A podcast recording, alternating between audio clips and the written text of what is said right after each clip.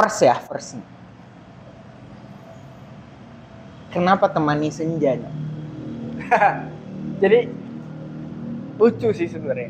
Dulu tuh namanya nggak temani senja. dulu namanya apa Dulu namanya Coffee Senja agak alay dikit sih sebenarnya. kenapa alay sih Kopi. Karena sama kayak yang di Gapundung. Dua tahun. Jadi Dini tuh berdiri 2017 atau 18 ya? Gue lulus 2017. Lu masih muda lu ya Gue lulus 2017 masuk kuliah 2012. ya lima tahun. Setahun lagi anak SD juga kesusun Nah, terus? Lalu bisa kan dengan konsep seadanya.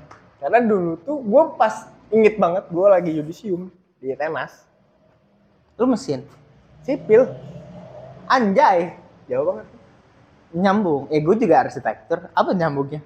Ya gue sempet dimaki tuh. Nggak dimaki sih lebih kayak di bahan selotehan lah Oke. di bahan candaan sama. Karena tugas akhir gue dulu waktu kuliah tuh gempa bumi bayangin. Bagus dong. Pusing anjing. Ya reasonable. Iya pusing. Tapi gue menikmati itu. Bayangin gue harus ke Bali dulu untuk ngambil sertifikasi. Jadi itu ada pelatihan selama seminggu apa sepuluh hari gue lupa. Seminggu kalau nggak salah. Itu dari Senin sampai Jumat pelatihannya pada tuh dari pagi sampai dan orangnya tuh dari Traz University di Austria. Jauh. Oke. Di Bali di Nusa Dua minggu tuh gue ikut pelatihan hanya untuk dapet sertifikasinya itu aja. Karena si al- nama aplikasinya tuh Plaxis. Itu ada dua dimensi sama tiga dimensi. Nah yang di Bali itu tiga dimensi sama dua dimensi dikasih. Jadi sebenarnya si Plaxis ini tuh tiap tahun tuh ada cuman yang di Bali itu tiga dimensi ada kalau yang di Bandung yang di tenas itu nggak ada itu cuma dua dimensi dan harganya jauh lebih murah yang di tenas Gue kebetulan keba- dapetnya tuh di Bali, apesnya. Ya udah gue harus berangkat dong, berangkat. Tapi gue menikmati itu berapa lama tuh seminggu. oke Dengan ngabisin anjing hampir 10 juta gitu gue. Lupa 10 juta lebih. Itu udah termasuk penginapan dan lain sebagainya. Karena penginapannya karena di tempat pelatihannya di diskon harganya. Ya tetap aja anjir diskon-diskonnya di Nusa Dua hotel mahal. 10 juta zaman itu ya iya, zaman gua kuliah. Iya berarti lu kuliah kan gue SMA. Serius? Iya sih. Lu lulus 17 kan? Harusnya Iya. lu lulus 16. 16. Itu 16 gue kelas 1 SMA. Muka gue aja kalau direndengin sama lu orang pasti ngiranya tetap gue yang tua. Iya sih. Nah, gue menikmati itu sebenarnya. Oke. Gue menikmati sama kuliah karena memang geotek ini adalah sesuatu mata kuliah yang gue cintai di tenas. Pada saat itu. sipil itu tuh gue paling cinta amat sama geotek. Berarti eh, ngitung tuh pakai apa? Praksis. Bukan satu lagi yang ngitung struktur. Sap. Tah pakai sub. Cing itu paling Nah. itu paling benci gue. Sebenarnya bedanya kalau praksis itu adalah khusus untuk analisis tanahnya Oh, jadi ke soil. ke soil. Lebih dekatnya sama geodesi sebenarnya berarti. Enggak juga. enggak juga. Nah, kalau sap itu kan struktur gedungnya tuh. Iya. Fondasinya enggak kekuatan tanahnya. Nah, kalau kalau plaksis itu bisa sebenarnya bisa semua. Cuman lebih di eh, lebih di khususan untuk tanah. Kayak cerita nih. Gue udah yudisium udah ke Bali, udah eh gitulah ya untuk kuliah gue. Lagi yudisium tuh lagi ngobrol santai. Gue waktu itu sebagai punya jabatan di kampus, penjaga perpustakaan jurusan Anjay. eh tapi lumayan anjir itu gue dibayar per jamnya tuh berapa ribu empat ribu gitu empat ribu Tapi kan sehari kan 8 jam bro kali sebulan oke, nggak Lumayan. sebulan banget juga. gue senin sampai jumat lah Oke. Paham nggak? Lanjut lanjut. tapi cuit. Iya iya. Nah udah gitu terus lagi ngobrol gue lagi sidang pokoknya ber- ngeberesin itu kuliah skripsi gue beres tugas akhir gue beres. Ditanya tuh sama anak-anak gue dulu ke mana? Nggak tahu. Gue kayak pengen bikin kopi shop aja gitu. Tapi nggak yang gimana gitu loh. Kok lu udah sampai dosen pembimbing gue aja ngomong kayak gini nyok lu tuh udah gila-gilaan sama kuliah. Lu ngambil jurusan apa tugas akhir yang kasarnya agak sedikit ekstrim. Di tenas tuh gue gak ada referensi lain selain gempa bumi. Gak ada gue sampai harus ke ITB waktu itu nyari referensi tugas akhir terus ya agak pusing lah. Ya, paham gue itu. posisi ada tuh juga yang tiga dimensi. Dulu temen gue ngerjain ini eh, bendungan kalau nggak salah itu udah tiga dimensi udah lama gempa bumi. Tapi yang bisa gue ambil cuman ah, secuilnya lah. Dan tugas saya keseluruhan gue tapi gue menikmati itu gitu kayak oh ya udah nggak apa-apa pak. Saya menyelesaikan kuliah itu sebagai tanggung jawab mahasiswa aja ke orang tua. Betul. udah selebihnya karena gue juga bilang ke orang tua gue ya udah itu keputusan lu lu harus tanggung jawab. Akhirnya ya udahlah buka dengan konsep seadanya dulu dengan nama kopi senja yang kalau hujan ya misbar kalau kepanasan ya panas panasan gitu ya teko juga nggak proper banget seadanya beli dan lain sebagainya modal gue dulu sampai jual motor Buat Apa tuh motor yang lu jual yang sampai akhirnya punya kopi senja itu? Kok kopi Gua- senja anjing? Temen Kan senja. dulu kopi senja. Oh iya benar. gue jual si Vespa Vespa apa tuh, Nyok? LX tahun 2012 Berarti masih V3 ya? yang V2 Oh, V2. eh 2011 Iya, masih jauh dari iGet lah ya. ya Terus, terus? gue jual dengan harga 15 juta yang belinya ke kelas gue waktu SMA Anjing. beli gue 15 juta ya habisin tuh 15 juta buat modal si awal buat coffee shop udah yaudah dengan ada uang seadanya gue pakai rok press ya yang akrilik Iya. terus ya gitulah sampai buka running belajar juga modal baca sama YouTube kalau dulu sih anjing nyari YouTube susah banget Eh, setuju. Cas dulu. Gua ngalamin itu kok. susah banget gila sekalinya ada Berarti itu fokus running tuh 2018 berarti ya? Jadi dua tuh udah hajar buka Februari itu. Gua kan yudisium tuh dua eh Oktober tuh sudah. Hmm. Nah dari Oktober sampai Februari tuh gua fokus nge layout si senja ini sebenarnya sama adik gua dan satu temennya.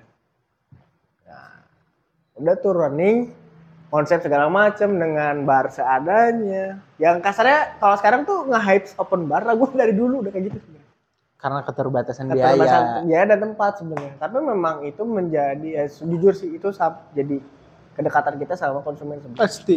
Setuju. Orang konsumen yang kasarnya pengen lihat bikin kopi dan sebagainya itu ya gue terang-terangan aja gue pakai grammasnya sekian, akhirnya pakai ini merek ini dan gue sebutin semua tanpa ada rasa Takut. akan direplikat dan sebagainya karena gue percaya rezeki itu nggak ada yang ketukar. Ya, gue setuju. Setuju banget itu. Ya, gue percaya banget itu.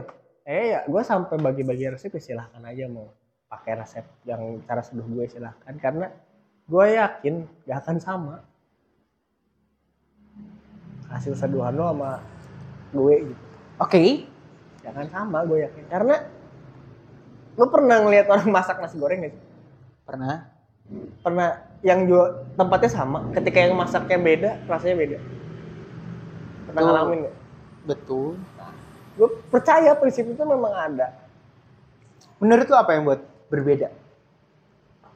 satu apa yang bedanya kalau skill sih mungkin bisa dibilang sama tapi feelings gak tahu ketika lu mencintai sesuatu biasanya ada energi positif yang ngalir di makanan Iya, iya, iya. Gue setuju itu. Benar. nah mungkin itu kali ya yang mungkin bisa dibilang karena gini kayak gini loh ketika lu ngasih resep ya ini gua resep tapi nggak sama feelingnya tapi ketika lu bikin biasanya feeling lu main perasaan lu main di situ ada yang tercurahkan lah Bisa direplikat nggak feeling? Menurut lu, menurut lu? Kalau nggak sesimpel gini. enggak sih Gue rasa bisa, men. kalau gue enggak ya karena hati orang tuh gak ada yang tahu sih sebenarnya Itu satu. Cuman yang gue percaya itu gini. Dari banyaknya hal yang ada gitu ya. Kita tuh punya hati tapi kita nggak pernah pakai hati kita. Sadar nggak sih? Iya, iya.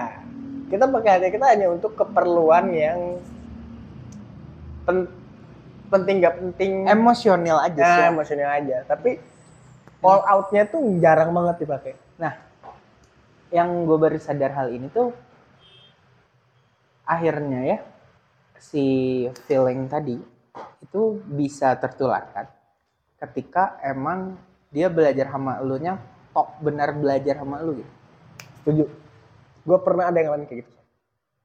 Jadi yang kayak anjir si ini nyeduhnya gini ya. Mirip sama si ini loh mirip sama si ini. Tapi hanya sampai di batas mirip gitu. Ya Ya sebelas dua belas lah. Nah, ini nggak pernah bilang sama kan? Iya iya. Hmm, iya benar. Nggak bakal 10 per 10 sih. Iya, paling sembilan setengah. Iya. bahkan jadinya kadang 11 ya. Ya.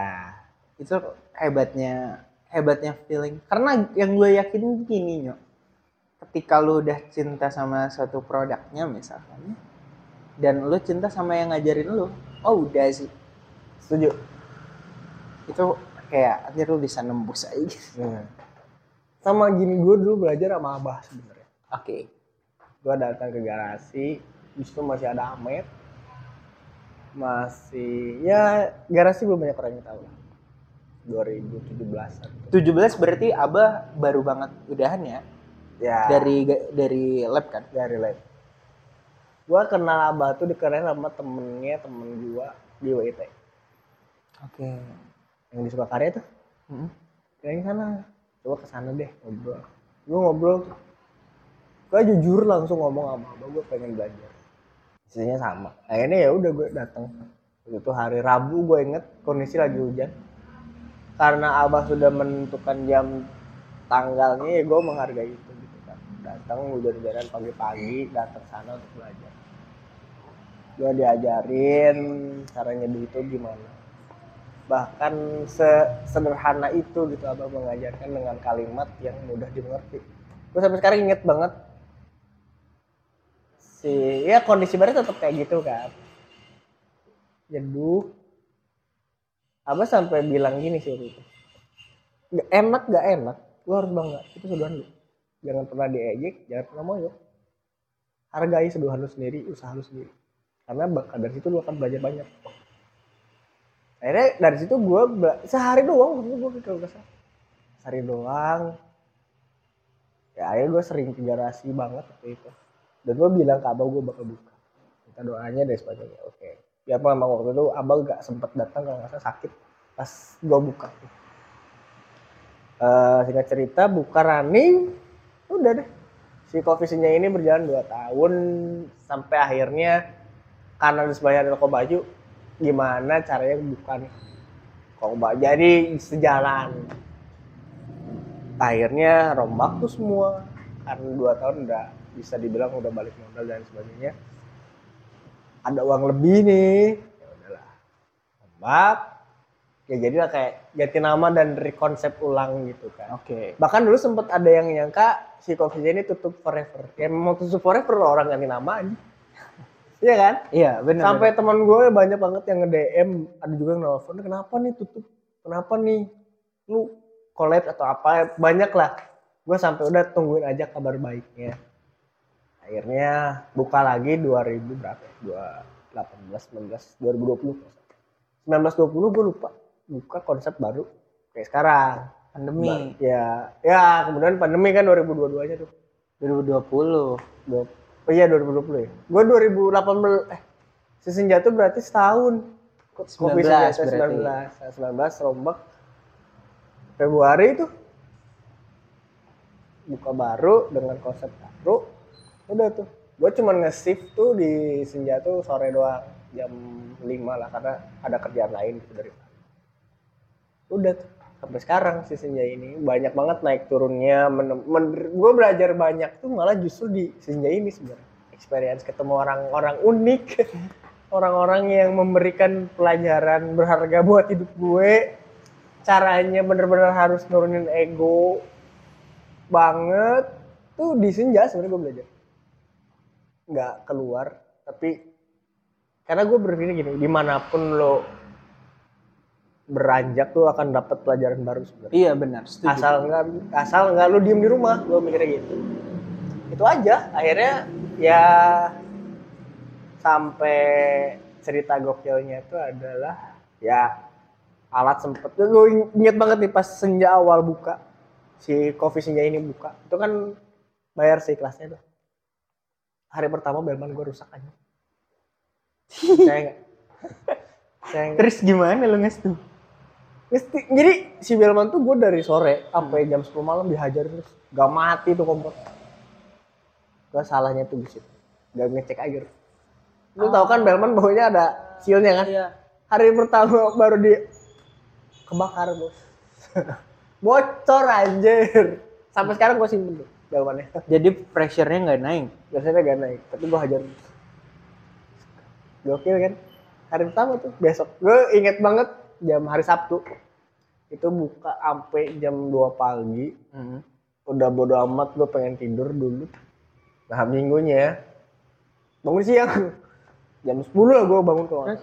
Gue nge akhirnya ngeberesin yang harus diberesin kan karena sisa-sisa semalam.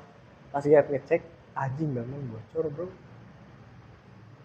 Dan itu hari minggunya Buka lagi hari kedua kan. anjing gokil kan gue ngakalin akhirnya gimana caranya si Belman ini hidup dilem lah di seal lagi lah pokoknya gimana caranya hidup ya hidup memang cuman ya Tidak seperti biasanya iya, ya. kayak Frankenstein lah Anjir udah banyak ininya dong ya. Iya. Udah banyak tambalan. Udah tambah. jadi mutan anjing. wah wah anjir di situ belajar terus custom rock preso yang akrilik gue inget banget gue jadi udah enam bulan tuh si kopi senja jalan si temen gue ini bilang Om Andi tuh custom cobain oke customnya kan lama banget ya Om Andi ya iya benar. namanya juga someday somehow gitu. Iya. Lama Someday banget. somehow project. Nah, gue selalu seneng itu dong. lama banget. Nah, kita cerita datang tuh malam. Jadi malamnya tuh Om Andi tuh gue inget udah enam bulan berlalu. Om Andi tuh ngabarin, Om ini udah bisa diambil. Ya. Gue besok kirim ya. Gue nol. Om kirim sekarang bisa nggak? Kenapa? Rock press gue hancur. Hari ketika pertama Pas banget pas berarti. banget itu gila. Bener-bener pas banget. Hancur rock press gue. Datang, gue langsung bongkar hari itu. Berarti akriliknya patah tuh ya. Apa enggak? Yang akrilik tuh patah gue ya. Yang gue nggak patah. Pecah apa? Pecah. Ah, Dan itu kena muka gue. Iya, Di pasti. sini gue leher kiri gue tuh merah sama agak Iya. kayak sun nggak Kayak gini ya? panas gitu lah. Iya Kayak gitu. sunburn sini gini ya? gitu, Di sini. Kayaknya apa? Dan perih banget anjir. Pastilah.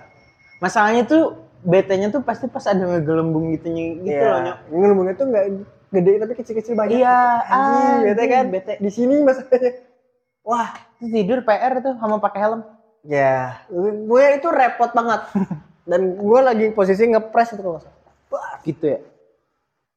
Ya udahlah bongkar dengan dibongkar dibantu dengan teman-teman yang lain. Gue sampai megang leher ngekompres.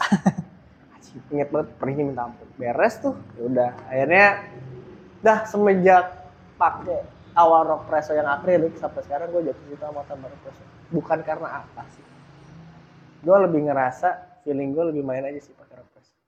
Feeling gue tuh ter apa ya tersalurkan hasrat gue tuh tersalurkan dengan sangat baik apalagi pakai naked portafilter dan tempingannya cakep banget.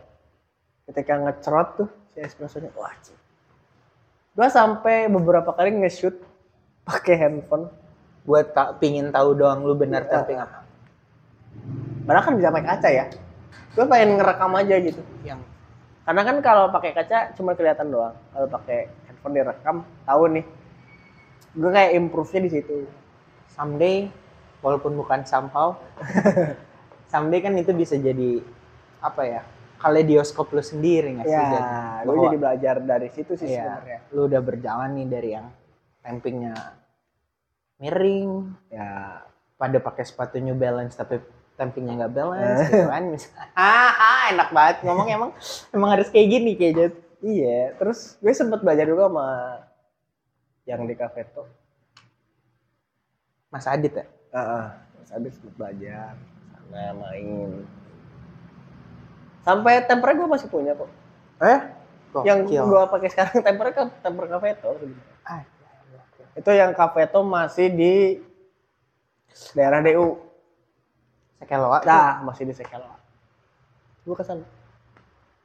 Situ. Main. berarti lu Ah, start anjing pikir-pikir wah kenapa? Bangsat emang.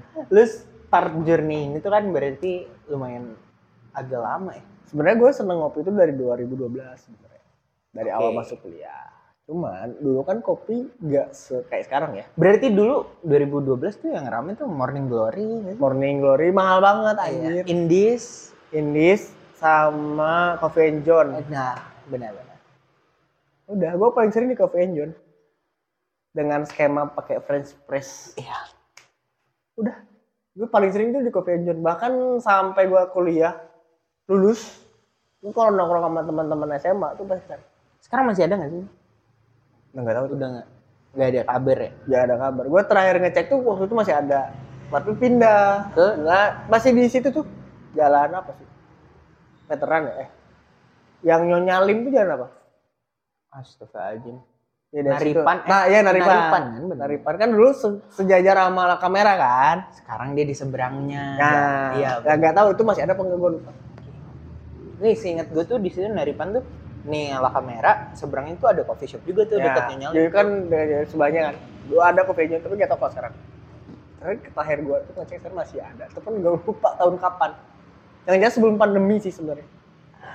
Berarti sama kurang lebih ya kalau kita tarik gitu, lu dari kopi senja jadi temani senja sekarang 2023 berarti lu udah bertahan kurang lebih nyampe 6 ya lebih ya? Ya, 6, 6 kurang lebih 65 lah ya. Iya, iya.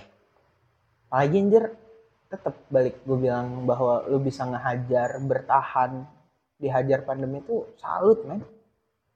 Karena gini loh, gue belajar dari saudara gue. Dia ngomong gini, kalau dia mah karena dua lebih tua kan, jadi Iya. emangnya AA. Kalau AA itu enggak passionate dengan apa yang dikerjain, udah ketika mentok ya udah lu, lu bakal nyerah. Karena passion itu adalah bahan bakar terakhir lu ketika lu mentok. Dan ternyata itu kealamin ketika pandemi sebenarnya. Gue akhirnya sampai ngalamin muter otak gimana caranya ini tetap survive. Ini tetap jalan. Sampai ditodong. Jadi gue inget banget. Itu kan buka gue lebih lama kan. Ya ba- babinsa biasanya Ya. Sampai gue lupa. Jadi waktu itu udah closing. Lagi general cleaning karena hari Minggu. Senin tutup. General cleaning dan di sini tuh ada yang kerja waktu itu. Namanya Jaber. Terus ada saudara gue satu sama temennya berdua. Berarti lima orang. Jadi general cleaning berlima. Yang ngepel terus ya semua general cleaning lah. Mm. Nah udah beres, sampahnya kan tinggal dibuang tuh sebenarnya. Gue bilang sok kalau mau pada ngerokok dulu, mau pada nyantai dulu sok aja. Oh, dikiranya nongkrong. Dikiranya nongkrong aja. Padahal gerbang depan tuh Iya, gua lupa nggak ditutup. Ah. Tentara sama satpol pp tuh dateng. Di sini pada nongkrong nongkrong. Gua langsung pasang badan dong. Enggak pak, kita nggak nongkrong. Orang langsung ngejelasin ini yang kerja, ini saudara gue sama temennya. Mereka bantuin general cleaning di sini emang udah biasa mereka bantuin. Karena besok kita libur. Mas kan tahu ada surat edaran. Nah pokoknya intinya gimana caranya. Administrasi. Ya. Terus gue ngejelasin sedetail mungkin akhirnya mereka sadar kalau mereka memang nggak bisa ada celah masuk ke gue. Karena emang udah ini lampu udah gelap semua. Cuman tinggal yang bagian luar sana yang masih nyala. Dan sampah dan kondisinya masih bener-bener masih bau rinso gitu. Iya, beres GC. beres ya. GC. Ya gue berkata apa adanya Iya. nggak ada yang menambahkan, nggak ada yang lebihkan. Akhirnya si tentara dan satpol pp ini, eh oke, jadi waktu itu jam 9 kita harus ngalap, jam setengah 8 kita jam 9 gue lupa. Gue jam 10 baralik ya. Takutnya disegel tuh. Iya, benar. Kita juga, kita juga yang repot gitu kan. Kita nggak ada tempat nongkrong dan sebagainya kata gue. Oh iya, ternyata sih kan depan senja itu ada sekolah SD kan. Mereka pada ngumpet di situ aja. Si Satpol PP. Heeh. Jadi mantau Bener nggak? bener nggak nih? Ternyata bener jam setengah sepuluh tuh mereka cabut. Gua kunci, udah gue balik. Nah, gue intip lagi nih. Jadi gue gue balik lagi ke senja tuh gue nongol. Oh pada cabut ternyata. Gitu. Gokil sih Aji. 6 tahun berjalan udah ngelewatin banyak banget fase perubahan di Ya. kita ngomongnya apa nih industri perkopian Bandung apa skena kopi Bandung enaknya apa nih nyok gue ngikut sih. Skena ya, skena industri ya. Gue dibilang industri kayaknya kejauhan juga sih. gue tuh masih berpikirnya gini dulu tuh gue selalu bertanya apa sih what the difference itu between Ya. skena gitu ya Bandung coffee scene sama Bandung Coffee Industry. Sampai akhirnya gue punya satu jawabannya bahwa kadang ketika kita fokusnya di skena kita lupa sama industri. Tapi ketika kita fokus di industri kita pasti dimusuhin di skena. Iya. Makanya gue selalu ngambil tengah-tengahnya aja deh. Gue Oke. gak mau. Ini berusaha untuk netral sebenarnya. Oke. Karena Bener, ada pilihan lain gak sih sebenarnya? Ada loh. apa tuh? Nggak fokus di dua-duanya. Ya lu jadi lu aja gitu. Ya, jadi identity pribadi lu Ah, sebenarnya. iya. Karena kalau misalkan dari cuan ya dua-duanya bisa ngadain cuan sebenarnya. Ada plus minusnya lah ya. Ya, ada plus minus ya sebenarnya. Makanya gue selalu berusaha untuk nggak ngambil pusing industri atau skema sebenarnya. Ya udah gue jalan, jalan aja gitu. Oke. Temani Senja di 2018 gitu ya. 2000, iya 2018 lah, lagi maraknya banget pendekar-pendekaran pada saat itu. Ya, Mungkin ya dulu ketika gue pertama nyoba kopi-kopian tuh mungkin gue salah satu orang yang paling dibenci sama orang-orang juga gitu. Mungkin sampai sekarang kenapa sih? Karena gue dulu mikirnya gini nyok, kita punya ke sulitan yang sama. Hmm. dulu anak SMA baru masuk gitu ya, baru masuk SMA terus gue ingat banget gue sampai sekarang tuh gue masih ingat gimana suasana Drezel pada saat pertama kali gue datang ke sana Drezel Cilaki. iya Cisangku yang Ya, ya, itu kan Cisang, ya, yang Kayak- kok kantor pos. iya enggak nih pos satpam aja nggak usah pakai kantor lah Ah iya benar. pas gue cing kata gue kok bisa ya orang datang sini nyoba satu hal yang bikin gue sadar bahwa ternyata oh kopi bisa asem ya itu tuh first impression yang ngebuat gue cing kopi bisa asem ya. Hmm. Dari situ penasaran emang pada dasarnya gue penasaran gue penasaran gue banyak penasaran lah gue ketemu websitenya almarhum Tony Wahid dulu Cikopi Ah, iya iya iya. Itu banyak itu bagus. itu ngebantu banget gue gue tuh sangat kayak Eh tapi kalau gue gak ada itu gue kayaknya mentok ya aja. eh karena blog blog sama artikelnya tuh kan bermanfaat banget kan? Iya. Dulu- Dulu masuk banget buat pelajar. dulu mungkin ya yang kelakuannya hampir mirip tuh kalau luar negeri tuh Jim Seven Nah, Sama- di pun agak saklek aja sih. iya sama kalau Scott Rowe kan pada saat itu fokus banget untuk membahas profile role Ya, ya, iya, itu iya, kan iya. kejauhan gitu buat Itu gua. belum ketaikan sih. iya buat gue yang awal tuh gue masih mikir ih nyaduh lucu nih ya gitu Iya. Terus akhirnya ketika gue nemuin itu, gue akhirnya sering untuk bertanya. Hmm. Kayak kalau datang coffee shop, ya SKSD kali ya, emang pada dasarnya gue pingin belajar lah. Iya iya iya. Gue pingin belajar. Iya iya iya iya benar benar. Gue pingin belajar, tapi kan pada saat itu konotasi pendekar sangat gila-gilaan banget. Benar. Iya dong. Eh, 2018 lah, salah satu titik poin yang membuat gue berpikir, apa sih masalahnya nanya perihal ini? Kalau Ya. nggak ada beberapa orang yang ketakutan resepnya dicuri, Ya. itu tuh marah banget. Ya. Lu menghadapi pendekar-pendekar yang datang nih ya, ke temani senja pada saat itu gimana? Gue hajar aja sih. Hajar ya? Gue hajar dengan kasarnya. Eh, dulu sempet gue ngambil dua sampel aja kali ya. Yang gue ingat sama sekarang. Jadi satu orang tuh ada dia mendekarin. Bahkan waktu itu gue sempat ada acara cupping di sini tuh Hmm. sama lu pernah denger sejati kopi nggak sih sejati yang di Garut? Sejati, Ya, pakai D. Heeh, Terus? yang dari Garut kan sama ko Sandy tuh dia sempet karena dulu temen gue ada yang kerja di situ dan kayak ya udah nih main gitu di sini Mm-mm. ada cupping dan lain sebagainya gue ngundang tuh beberapa temen ada tuh satu orang bayangin cewek pendekar edan Cakep tuh. pusing karena gini setiap kali gue nyeduh buat gue ini over buat dia selalu bilangnya under tuh pusing nggak? Wah anjing ya itu PR sih. PR kan? Tapi ketika gue suruh nyeduh dia nggak pernah mau. Jadi pusing mana Itu pusing banget. Nah, pusing kan? Anjing pokoknya mau bahkan lu percaya gue pernah nyeduhin buat dia yang profiling buat. Espresso gue sedih. Pakai Terus masih nyebut under juga. ini mah apa kayak air biasa. Pusing nggak? Padahal gue saya suhu itu pakai 95 anjing gue sampai angkat tangan sebenarnya. Gue sampai mikir dia beneran tahu gue dia beneran paham apa dia hanya emang bego aja gitu. Sama miskonsepsi kali ya, Ya. nggak sama kayaknya. Gue mikir sana satu lagi ada yang mendekari ini sampai request. Gue dia sempet request waktu itu ada cowok ini mah. request eh pengen airnya ganti. Pakai apa lu Dia- pakai apa di sini? Pakai aqua. Oke. Dia minta pingin? Ron 88 dia bawa? Enggak. Kan goblok PR terus? Gue bilang mas gak ada kalau ron 88 kecuali masnya mau bawa sendiri kata orang. Akhirnya dia ya udahlah mas. Akhirnya mau pakai aqua aja lah. Cuman saya pengen rasionya segini gramasinya segini temperatur airnya segini puringnya segini yield yang apa ya? Ya total lah. Ya, pokoknya gitulah. Gue penuhin gitu. Dan untung nggak tahu sih ya. Dia sempet kayak oh ini sesuai ekspektasi saya. Cuman kayaknya kalau airnya ganti pakai ron lebih enak. Anjay. Deng deng deng. Padahal gue kalau nyeduh pakai ron selalu keset. Iya makanya.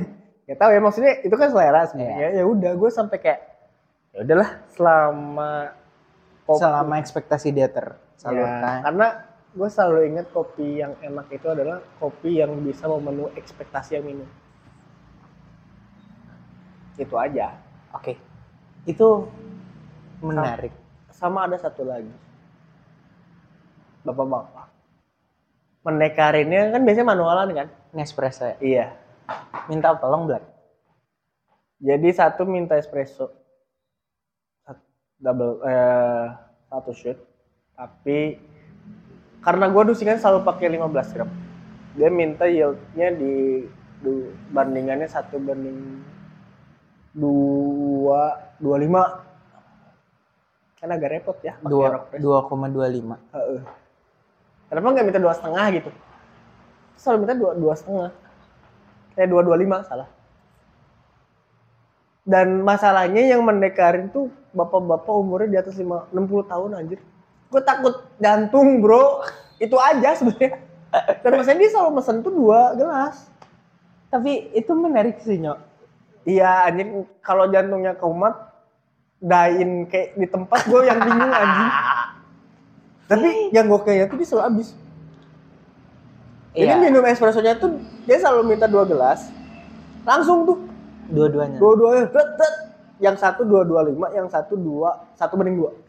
lu bisa akhirnya dapat ngulik nggak background dia kenapa akhirnya dia minta espresso kayak gitu Gua ngelihat karena habit dia rokok rokoknya apa emang jarcok nggak sempurna di. Samsu yang kretek. anjay yang warna kuning tuh ya Iya yang bungkusnya hijau ya gitu Iya, lah. iya, itu. Pokoknya kretek aja. Itu rokok almarhum kakek gue. sempurna keretek satrek Dan itu dia udah ngambis minum dua sloki espresso, dia ngabisin tiga dua sampai tiga batang rokok. anjay Edan nggak? Itu kan kretek lama banget anjir. Dan gue selalu nge-survey kan espresso selalu dibandingin sama air kan untuk minum. Dan dia tuh minum airnya ketika habis rokoknya setengah batang. Bayangin apa? Jadi udah minum espresso dua sloki, dia nggak minum dulu langsung rokok aja. Ini kat- gak tahu emang beban pikirannya berat banget. Gak tahu emang stress release-nya anak-anak sekarang tuh gitu gitu. bapak-bapak sekarang aja Iya, itu wah, gue sampai gue gue sampai deg-degannya gini loh, anjing anjing tak jantungan. Karena ngelihat ya udah ubanan umurnya udah ya gue taksi 60 60 tahun lah. Kopi kayak gitu. menarik banget Agak agak horor kan sebenarnya. eh kalau misalnya tiba-tiba ngegulipak di sini mah kejang-kejang kan gue yang bingung aja. Disangkanya kopi gue diracun. Ntar kasus Jessica jadi ada lagi anjing. Kemarin senja meracuni kakek-kakek anjing what the fuck man. Itu aja sih yang gua kesan sampai sekarang gitu ya. Selebihnya banyaknya sih yang belajar. Banyak bahkan ada beberapa teman-teman gue yang sekarang kerja di Fore sempet ada yang sini mampir buat belajar. Terus daerah Bojong Sultan tuh lagi kenceng loh sekarang. Gue lihat tuh per skenaannya ya ya. Sultan Coffee tuh lagi mulai naik nih. Apalagi dengan adanya Rolun Ya, gue lihat anjir daripada mana jauh-jauh ke kota gitu ya. lu bisa dapat hal yang sama barang lebih mudah. Dapat Ya. ya nggak? Hmm. pangalengan turun dikit eksekusi di tempat. Ya. Kabupaten ya salah satu yang oke sih. Dulu itu cuma ada sempat bantuin kalibrasi juga sempet nge-train juga orang di sana. Ya banyaknya yang belajar sih. Gue sebenarnya lebih ke enak buat sharing sebenarnya karena kalau disuruh ngajarin sih gue juga masih belajar sampai detik ini gitu ya. Banyak banget apalagi anak-anak sekarang yang jauh lebih pandai tapi experience-nya memang jauh. Dalam artian mungkin mereka belajarnya berdasarkan platform yang sekarang. Mereka mudah dapat diakses tapi experience ketika gimana caranya nge-treatment terus ngadapin pendekar-pendekar kan mereka tidak mengalami itu. Gue sampai bilang lu tenang aja lu kalau yakin dengan hasil lu ya udah seduhin aja. Dan terima kritikan itu. Oke eh, ini akan akan selaras ya dengan omongan. Barista sekarang tuh gaya doang hospitality-nya no setuju kenapa itu bisa terjadi Nyok? karena menurut gue gini. Gue gue sempet baca baca gue tuh nonton ya gue gue yang inget tuh katanya gini kalau orang masih berpikir coffee shop jualan kopi is a fucking big mistake sebenarnya. Tapi- karena coffee shop itu yang dikedepankan adalah hospitality-nya dulu. Oke. It's all about service gitu ya? Ya beda beda service sama hospitality itu beda oke what the difference between that? Kalau service itu sesuai dengan SOP oke. Kalau hospitality itu adalah eh gua gua nonton di podcastnya siapa itu? Tuh ini eh, barista no cincong ya sih? Enggak enggak bukan bukan. Aduh. Pokoknya si orang yang ngomongnya itu yang si pod- punya podcastnya tuh berewokan. Ngundang siapa gitu gue lupa. Ini Willy Sidewalk bukan Bu- bukan bukan bukan orang kopi dah Oh ya? tapi ngandeng ini si jadi si service itu sesuai SOP dia gitu. kalau hospitality itu adalah gimana caranya nge-treatment si customer itu nyaman karena SOP kan ya sebatas senyum sapa lu cleaning table itu sesuai SOP itu service tapi hospitality itu di luar itu sebenarnya nah kenapa barista sekarang hospitalnya jelek? Itu ngikutin sama attitude-nya sebenarnya. Aduh karena gue nggak tahu ya. Ngomong gini. Gen Z Demon Gen Z kali? Atau iya benar Gen Z. Ya. bahkan sekarang udah ada yang lebih turunnya lagi Gen, Gen Alpha. ah nggak tahu gua. Sigma Beta gitu gua. Pokoknya gue anak gue itu masuknya generasi alpha kelahiran anak 2020 ke sini itu alpha bener. oh, anak lu 2020 2021 gitu ya. Anjay. Eh. 22 deng. Salah. 2022 ya 2022 anak. Terus terus. Itu masuk generasi alpha nah si generasi kalau yang gua baca si Gen Z itu memang dari Google ya gue bacanya. Jadi si Gen Z itu memang mudah stres mudah emosionalnya unstable. Karena mereka masuk masa transisi era digital yang sangat-sangat cepat sebenarnya.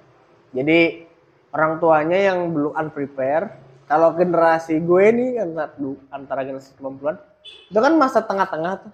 Ya kita ngalamin main di luar main kelereng dan gue ngal ngalamin pakai laptop atau PS gue ngalamin kedua itu. Nah anak Gen itu enggak dan mereka lebih cenderung banyaknya pengennya kerjanya efisien ya gitu gitulah cuman gua banget cuman yang sayang itu memang attitude-nya karena mereka mementingkan mental health-nya dulu. Tapi attitude-nya enggak sebenarnya. Nah, si hospitality ini kan lu nggak bisa ngetrain orang yang kasarnya attitude-nya jelek, tapi hospitality bagus susah banget. Menurut, menurut sudut pandang gue ya ini. Sorry kalau misalnya ada yang kesinggung gitu kalau dengerin. Tapi ya memang itu. Bahkan di sini ada juga yang ya generasi Gen Z yang emang saking ngopi. Di sini ya memang attitude-nya parah banget.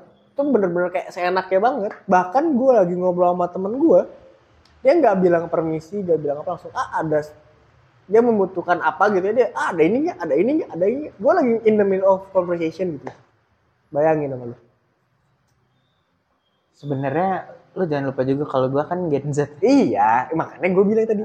Kalau ada yang kesinggung sorry Bukan. banget. bukan kesinggung gua malah jadi sadarnya anjir ternyata gua sebobrok itu gitu. Sebenarnya yang gue nilai plus dari Gen Z itu kita lebih aware dan untuknya generasi gue gitu. Kita lebih aware tentang si kesehatan mental sebenarnya. Kalau nggak ada Gen Z kita nggak akan sadar kesehatan mental sebenarnya. Tapi nyok eh, dari banyaknya perdebatan ini ya perihal Gen Z gue bakal bilang gini eh, dari sisi generasi gue ada juga kesulitannya. Pertama kalau misalkan selalu ya obrolan tuh generasi sembu- 90 tuh di generasi yang paling emas loh lu dapat 70 dapat 70s dari ibu bapak lu. Lu dapat 80s dari kakak-kakak lu. Nah Oke. 90s-nya tuh kurang apa lagi sih gitu mobil pada saat itu lagi kencang-kencangnya iya. Segala macamnya lagi rame-ramenya lah kebangkitan Hollywood lagi dan segala macamnya yang sulit tuh gini eh, generasi 90 bisa ada di tahap dia menikmati itu tuh jangan lupa bahwa ibu bapaknya tuh stabil gitu. Ya. Dia tuh di direct Mm. perbedaannya ketika lu yang 90-an tuh lu ngerasa nggak enak mau bapak lu ngancem lu kayak gimana juga lu tetap nurut ya. Ya kan? Ya ya. Sedangkan di generasi gua datang dari angkatan-angkatan di 90-an yang ngerasa gua nggak mau ngedidik anak gua kayak orang tua gua. Ya. Oke. ya, oke. jadi agak sedikit ya fragile. Generasi 90 eh generasi Z- Gen Z ini tuh se-fragile itu kok. Kita tuh pura-pura kuat. Lu pernah kepikiran gak sih kalau ketemu Gen Z yang kayak Jer, ini orang kok bisa deg deg deg deg deg deg Hmm. Sebenarnya dia tuh nyari afirmasi yang nggak dia dapet di rumah. Ya gue setuju. Nah, mungkin ya mungkin. Di case-nya gua, reason gua kokopian tuh itu mungkin. Tapi kalau gua runut lagi, yang lebih bahaya dari Gen Z ini, mereka tuh terlalu banyak pilihannya, Jo. ya. Dan mereka tidak pernah dapat eh, beberapa ya, beberapa tuh nggak dapat yang kayak ini loh, kalau lu milih ini, lu tuh punya konsekuensi gini, gini, gini, gini, gini. hmm. tapi benefit yang lu bakal dapet tuh ini ini ini Hmm. kalau sekarang aja dulu orang tua dulu selalu ngomong jangan main game terus belajar lah mau jadi apa Hmm. lah anjir sekarang gamers duitnya mah iya ngelebihin PNS anjing kayak benar makanya dari situ tuh eh gue paham hal yang terjadi etika yang tidak teratur dan segala macam karena nggak ada yang nyontoin ya ya itu sedikit mungkin- besarnya Makanya kenapa banyak banget yang Z yang mungkin kasarnya eh bahasanya gini. Kehilangan figur. iya iya benar Gak ada yang bisa dia contoh sebenarnya. Makanya kenapa gue tadi bilang. Nah, si Z itu kes- lebih mementingkan kesehatan diri mereka sendiri. Karena ya itu mungkin gak ada figurnya. Karena gue gak pernah ngejudge. Gue gak pernah bilang. Gue bahas termasuk orang yang gak setuju kalau generasi gue lebih baik nih, generasi ini lebih baik nih. Gue gak setuju karena dari setiap generasi kita bakal belajar sesuatu iya benar karena gue sekarang jadi seorang bapak juga gitu ya gue bakal ngeliat oh gue gue baca juga nih di Google si generasi alpha ini seperti apa gue bahkan belajar generasi alpha ini tumbuh karena ada generasi Z-nya ada generasi Y-nya. Dia ini ada turunan gener apa ya DNA-nya lah kasarnya yang ada di generasi alpha ini. Dari sekian persen dari sini sekian persen dari gen ini. Oh berarti memang kita belajar something.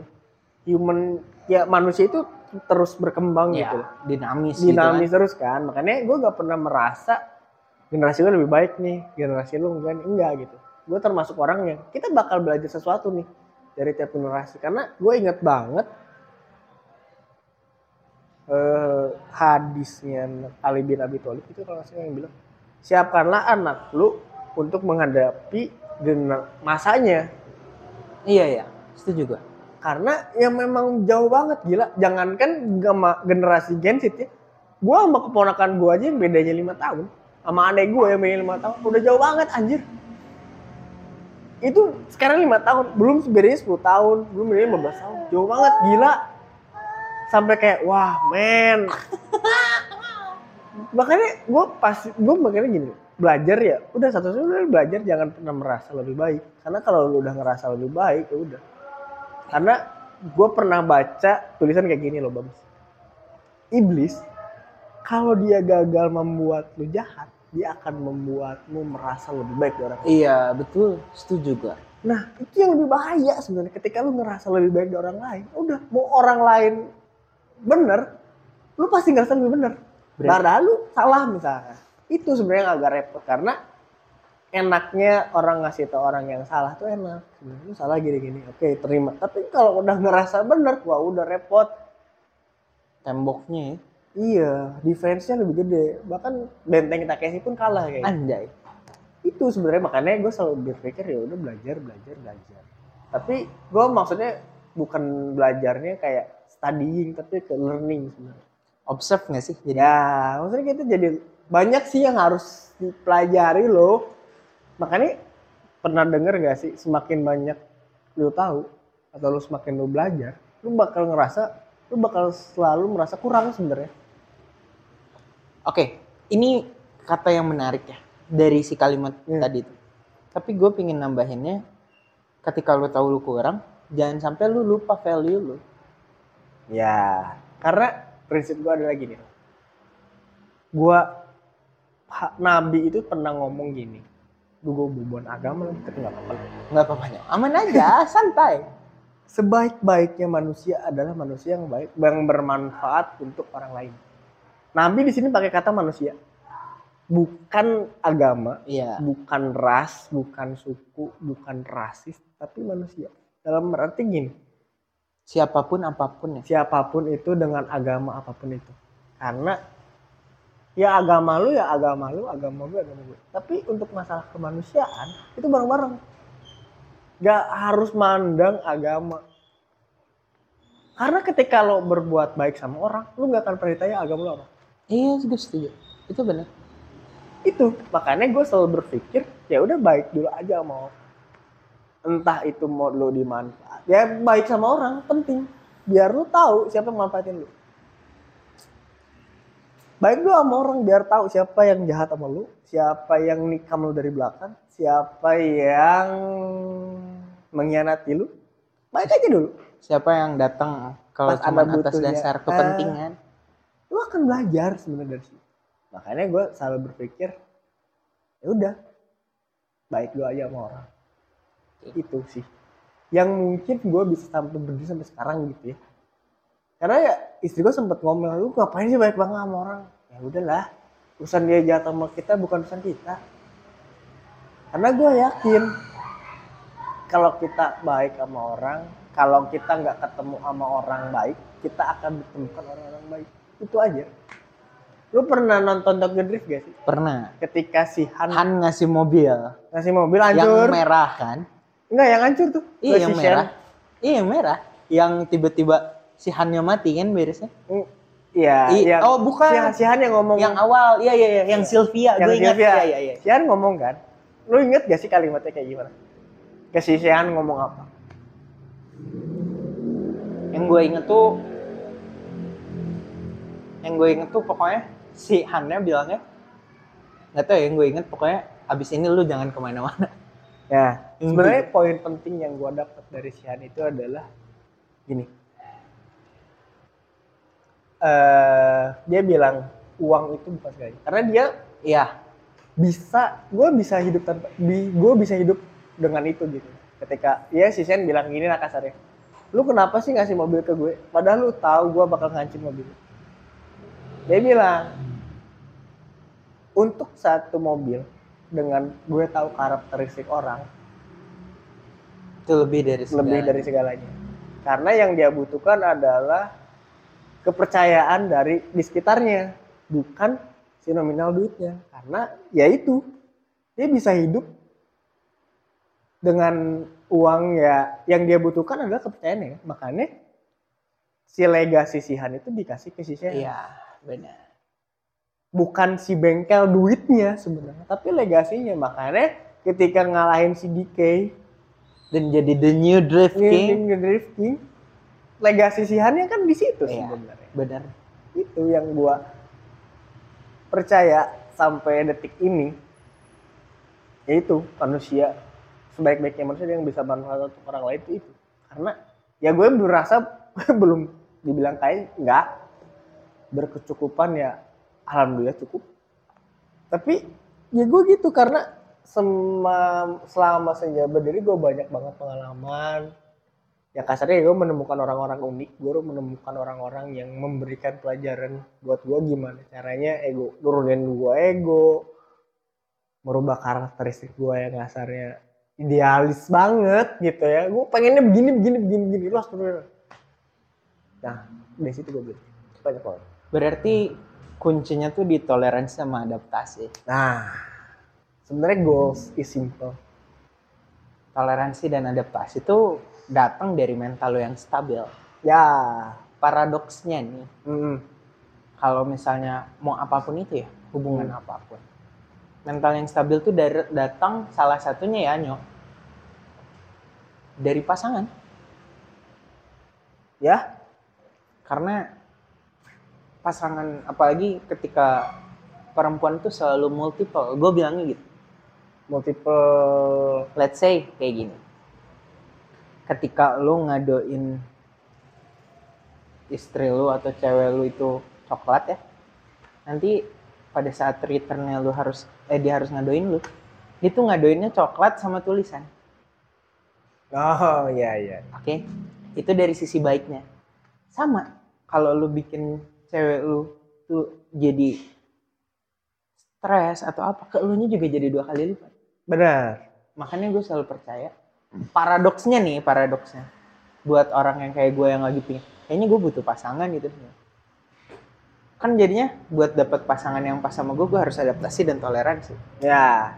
Nah adaptasi dan toleransi ini datang dari mental gue yang stabil. Mm-mm. cuman mental gue yang stabil salah satu penyokong besarnya itu pasangan paradoks kan muter terus. Ya muter lingkaran setan. Iya, akhirnya gue sadarnya sama satu kata doang. Nyoba. Benar.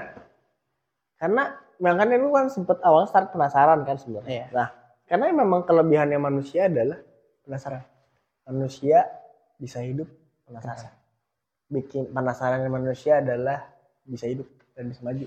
Tapi penasarannya kucing dia bisa mati. Riset gua bikin dulu kopi go go aman aman. Aman banget men. Santai aja. Ya itu bener sih. Nyok. bisa kayak gitu.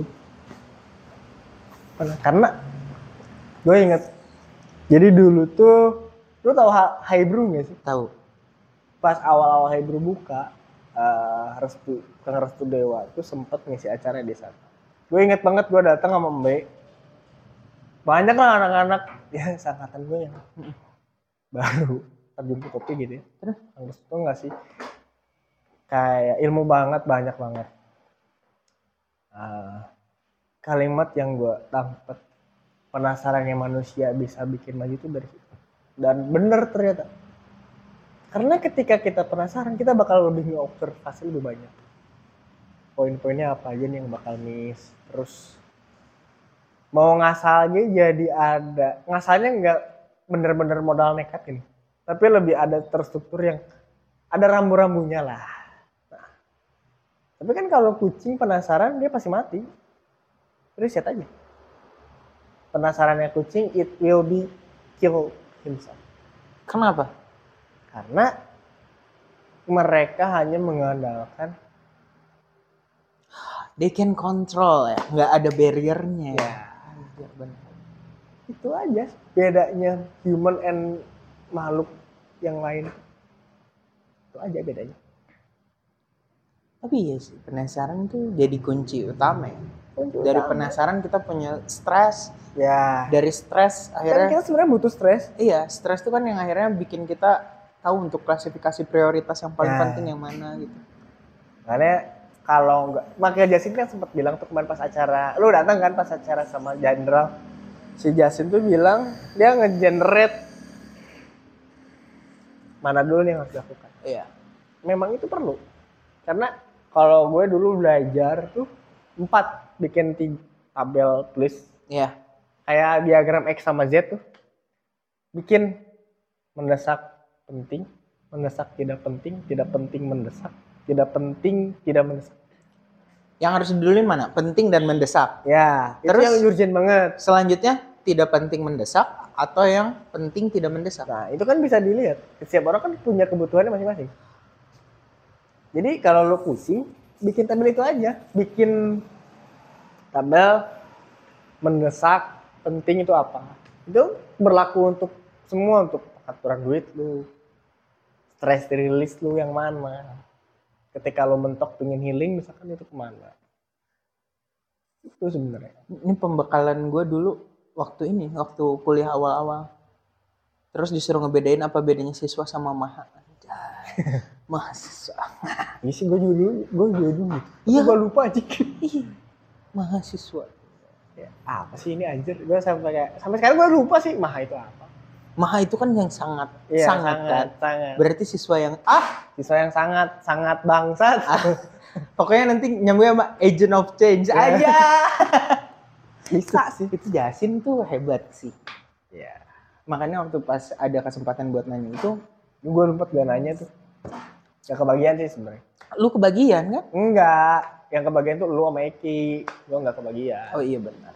Ah, gua harus ada yang gua kasih tahu sedihnya. Kan dapat tumbler. Ya. Tumbler gua loncat anjing dari tas gua. Anjing sedih banget. Hilang berarti. Ih, yang kayak peluru anjing.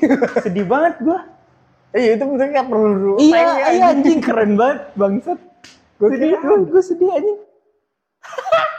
Pertama kalinya gue dapet tumbler, terus gue kayak anjing gue gitu. seneng banget gitu. Coba lobby Ray bisa. Ambil gue hilang.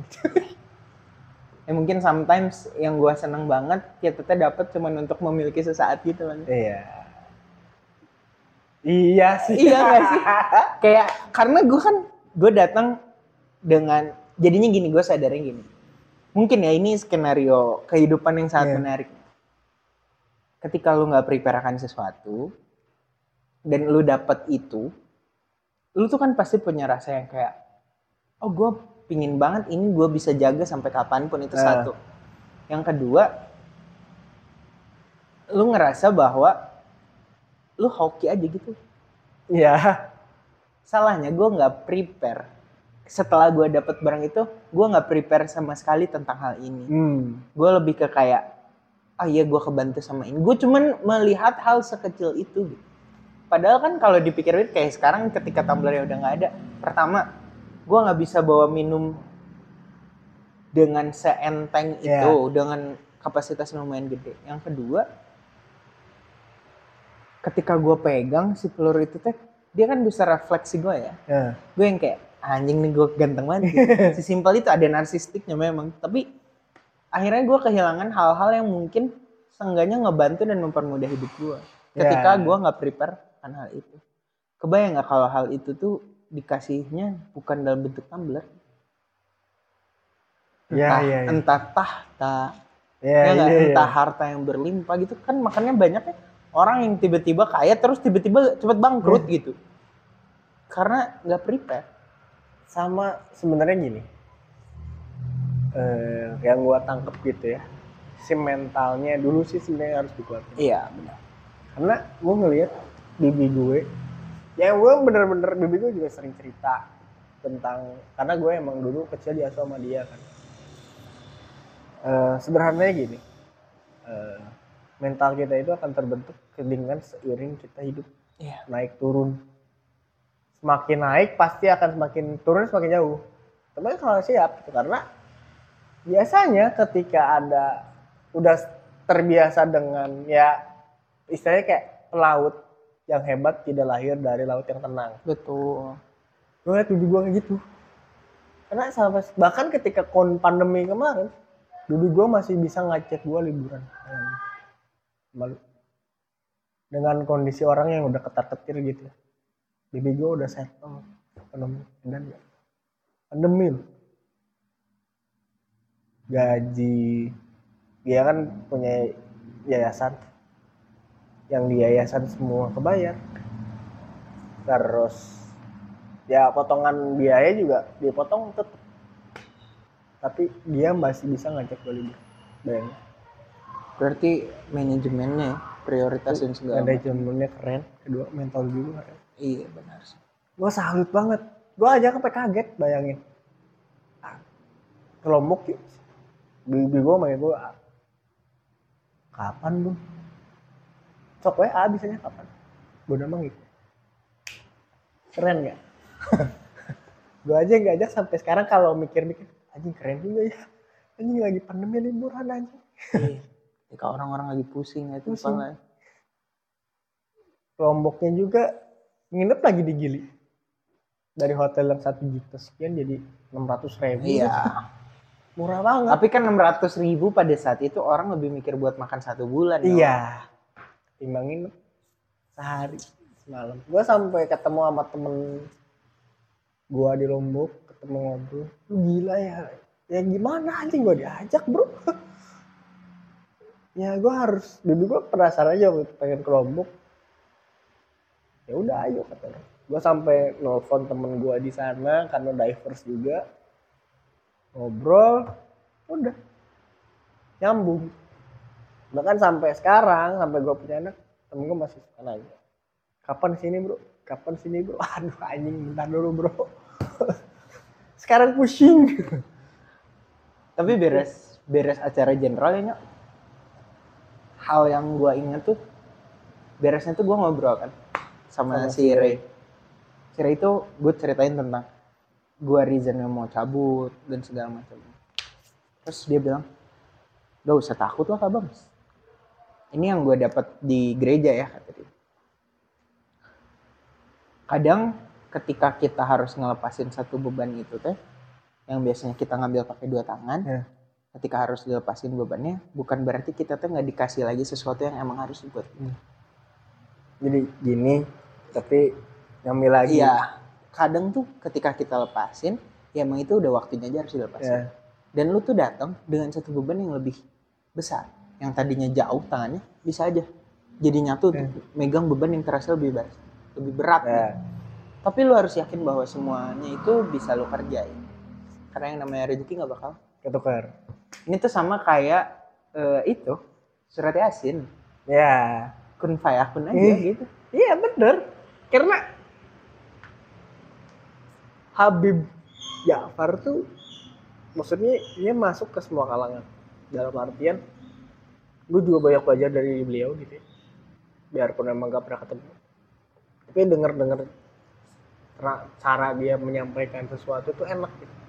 Dia nggak pernah ngejudge, dia nggak pernah menjatuhkan satu sisi untuk naik di satu sisi lain tapi gue jadi belajar satu hal gitu ya karena ya memang harusnya seperti itu gitu ketika lo emang ingin sampaikan aja yang perlu memang hanya sebatas perlu aja gitu gak usah dilebih-lebihan gak usah ditambah-tambah gak usah dikurang-kurangin ya. Proporsional aja gitu. Iya, betul. dan ya bener karena banyak kasarnya gini lah. Mungkin banyak orang yang di luar sana yang berpikir kok dia lebih maju dari gue tapi padahal kita start dari titik yang sama. Makanya kalau lu udah merasa ada di poin itu gitu ya buat gue sih mending emang harusnya keluar karena kita akan jauh lebih dihargai ketika ada orang yang nggak kenal sama lu That's the Setuju. point, man. Gue setuju Setuju banget kan? akan hal itu. Iya. karena ketika lu kasarnya gitu satu tongkrongan nih yang pernah ngomong ini siapa ya di podcast Suri eh bukan Suri ya Uus biasa aja dia pernah ngomong kayak gitu karena ketika kita start bareng dengan tongkrongan bareng ketika ada yang maju lebih dulu atau ketinggalan lebih dulu, pasti jadi bahan omongan. Iya. mending keluar. Karena itu akan jadi toksik dan itu akan menjadi jadi memutus tali silaturahmi secara Iya. tidak langsung. Sama kayak ngutang aja makanya keluar aja dulu. Karena mentor gua orang Cimahi Asep dia ngomong kayak gitu dia udah gue banyak belajar banget dari beliau terus gue udah pernah ketemu beberapa kali. Gue di coaching dia dua kali lah kalau nggak salah. Untuk improve value diri gue sendiri. Dia ngomong gini lu kalau lu udah nggak dihargai di tempat ini lu keluar karena Rasulullah pun melakukan hal yang sama. Ingat ketika dia Mekah pindah ke Madinah? Iya. kan dia tidak diterima di kalangannya tapi ketika dia pindah udah banyak yang nyambut dong. Balik lagi ketika lu punya tuh iya ya gue gue setuju akan hal itu soalnya ini ini Anabel ya analisa gembel gue. Lu sadar gak sih kenapa orang yang udah kuliah atau ngambil pendidikan di luar negeri pulang ke sini tuh kayak kayak anjing mana tuh keren banget kayak gitu. Padahal kan bisa ya di sana bolos gitu kan. Bisa aja kan di sana KKM doang kan lulusnya. iya, itu bisa. Tapi kan beda ya. Itu tuh selalu jadi Ada power. standar ganda. Karena pikirannya tuh masih tetap yang kayak nggak semua orang bisa nyampe sana. Satu itu. Padahal ininya kebuka luas kok. Caranya kebuka luas banget. Tapi kan nggak nggak sedih nggak banyak orang yang punya kesempatan untuk itu. Satu dari ya mungkin dari segi finansial agak susah. Kedua bahasa mungkin. Iya betul, itu gue setuju. Gue ambil kesimpulannya ya dari obrolan kita.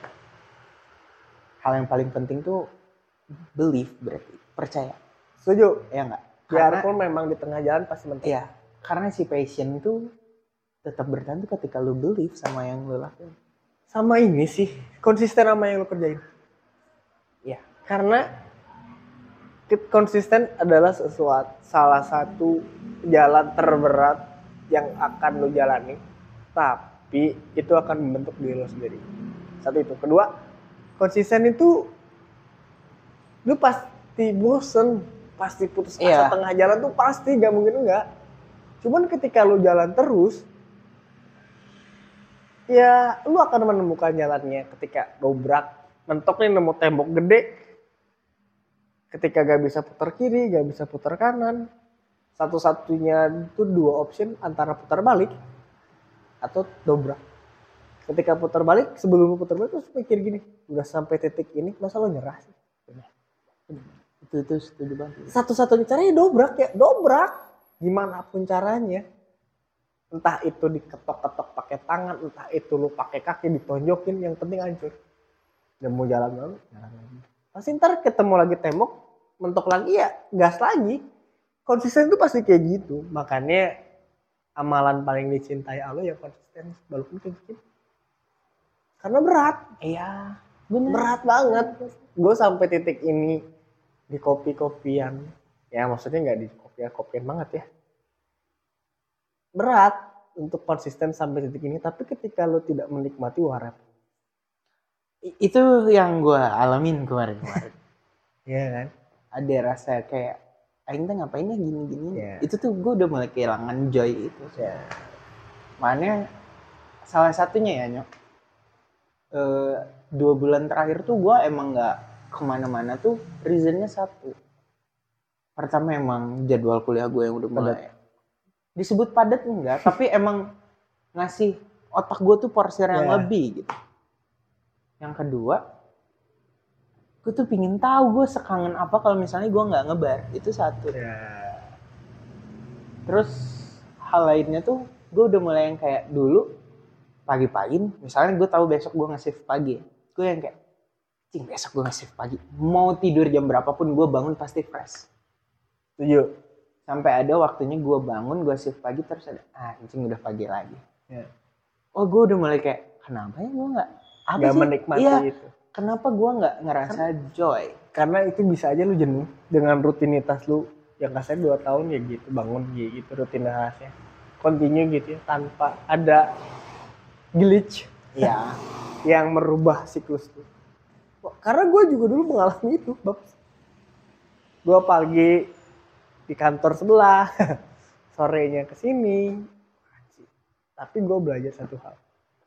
Gue mau tidur jam berapapun, gue bangun. Gue paling lama tidur sehari 4 jam. itu tuh hal yang hilang dari gue yang asalnya gue mau tidur jam 3 gue jam 5 pasti bangun mau ngantuk mau enggak gue tetap hajar buat bang sampai akhirnya gue udah bisa badan gue kayak gini. Ya udahlah istirahat aja dulu. Nah. Itu tuh udah PR berarti. Gue udah nggak kepegang Iya. apa pun. Ada ada hal yang error dari Ya. gue yang gue takutkan si error ini tuh nge-efeknya ke teman-teman sekitar gue Hmm. makanya gue memilih untuk mundur. Ya. itu satu. Karena mau kayak gimana pun sampai hari ini ya kita tahu lah gaji barista as a part time tuh nggak bisa mumpuni kehidupan kita sebulan. Ya. Tapi dengan ada waktu sehari dua hari gua ngebar tuh gua bukan nyari duitnya tetap gue tuh nyari yang kayak anjir gue bisa Joy-nya. iya itu doang ketika udah nggak joy itu malah jadi mentok ke guanya. Jadi rudat. Iya. Karena karena mungkin start dari awal gue nggak nyari itu gitu. Itu tuh bahaya tuh. Itu yang bikin gue nggak bisa konsisten sebenarnya. Tapi kan dari situ belajar sesuatu sebenarnya. Banyak banget. Itu aja sebenarnya. Makanya kayak reasonnya nih sekarang gue mau balik lagi konten ya. Mau balik konten gue mau ini segala macam ya itu ambil aja dulu. Sampai men. Silahkan ah mau apa? Gitu. Believe iya believe yakin aja dulu. Sama gue pingin belajar rasa bersyukur sekarang ya setuju. Karena mentor gue tuh sempat ngomong gini lah bersyukur dengan apa sekecil apa pun sederhana apa pun itu. Karena lu dikasih napas bangun pagi itu harus harus bersyukur. Iya iya iya. Setuju gue itu benar banget gue lagi lagi flashbacknya gini. Kalau ditarik gitu ya di awal gue ngebar gitu. gue teh siapa tuh? Dua tahun yang lalu tuh siapa? Ya, walaupun sekarang juga masih belum siapa siapa cuman gue tuh thriving ini sendirian gitu ya. Hmm. gue jalanin semuanya kayak mau pahit mau jadinya omongan orang mau apa pun ya gue lakuin itu karena gue penasaran bener ya. Gue penasaran ketika gue udah mulai penasaran oh ini loh rasa suka tuh gitu. Ya. Mulai dari situ gue ketemu sama orang yang oke let's say di awal gue ngerasa dia nggak bakal bisa jadi teman gue dia kayaknya bertolak belakang banget sampai akhirnya dia yang ngejaga gue gitu. Yang tetap ketika gue lagi susah nih yang tetap seenggaknya men di mana? Ini yuk gitu terus gue ketemu sama orang yang kayak di awal tuh dia kayak ayo yuk ini ini gimana tapi kok akhirnya malah dia iya malah jadi kayak kok kok kayaknya tuh gue nggak sukses buat ngejalanin ekspektasi? Ya selain bersyukur karena jujur nyok selama beberapa kali kompetisi ini tuh gue nggak menikmati hasilnya gue nggak sadar value gue gitu bertambah apa enggak. Hal itu tuh bikin gue ngerasa anjir milestone kecil-kecil gue tuh nggak kerasa sama gue Hmm. sedih lah men. Kayak jadi gue tuh apa? Setelah dua tahun ini tuh gue siapa? Sebenarnya yang gue pengen tanya adalah lu ngera pengennya tuh lu kayak gimana sih setelah dua tahun? Simpelnya ya. Hmm. Gue tuh pingin bisa berdiri tegap dan confident bahwa ya gue tuh bums sebenarnya secara tidak langsung lu sudah ada di titik itu cuman lu nggak sadar sebenarnya. Karena lu terlalu fokus dengan faktor eksternalnya dulu. Bukan ke diri lu sendiri sebenarnya. Nah ini tuh menarik sebenarnya. Itu sedikit banyaknya betul. Tapi ekspektasi yang disentuhnya malah ketika ekspektasi guanya tinggi banget hmm. ekspektasi guanya tinggi banget gue tuh mulai milah tuh dari situ tuh mulai mangkas kan mulai mangka dan nurunin ekspektasi Iya. Lebih ke bukan diturunin, tapi gua mikirnya gini. Dulu tuh gue sesimpel ngomong bercanda tuh gini. Ditanya sama teman gue yang lebih tua, terus dia nanya gini. Lu di umur gue, lu pengen punya apa sih? Iya. Terus gue cuman bertanya. Gue pingin punya saham BBCA 100 slot lah, kata gue.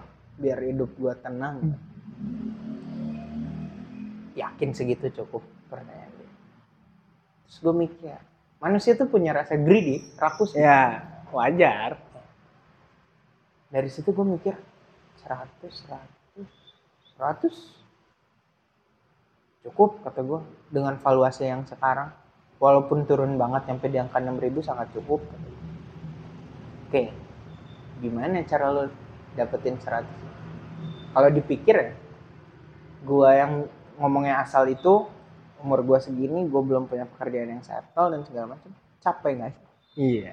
karena goalsnya tuh kayak terlalu tinggi Tinggi. banget terus teman gue ini ngasih tahu bahwa pecah-pecah jadi milestone kecil-kecil lah 10 plot pertama tuh harus lo capai di umur lo berapa Hmm. dan ingat kita nggak tahu umur kita sampai kapan Iya. Betul. tapi jangan sampai lu punya pikiran lu hidup cuma sebentar Gandhi. dari Yang ngomong itu Gandhi.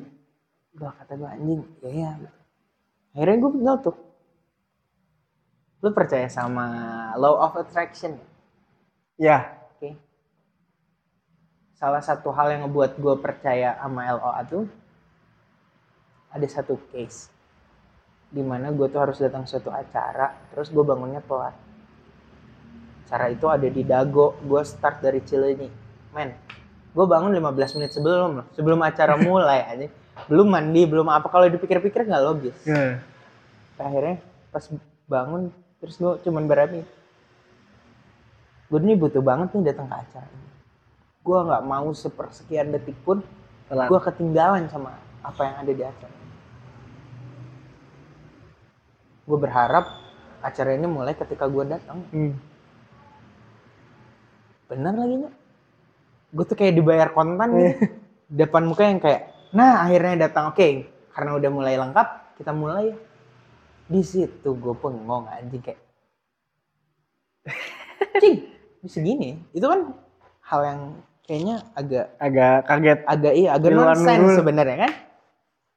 Tapi dari situ gue percaya bahwa gue akhirnya bilang umur gue 27 10 lot pertama gue mau gimana pun caranya gue mau itu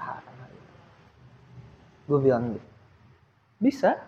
Makanya kayak sekarang tuh kalau dipikir-pikir takutnya banyak lebih banyak takutnya sekarang ketika udah banyak takut kayak gini ya akhirnya gue jadi sadarnya gini gue mulai kerasa gue nggak joy ke kopian tuh ketika nyokap udah nyuruh gue berhenti tiga bulan sebelumnya Alasannya? dia pingin ngelihat gue fokus aja kuliah Oke.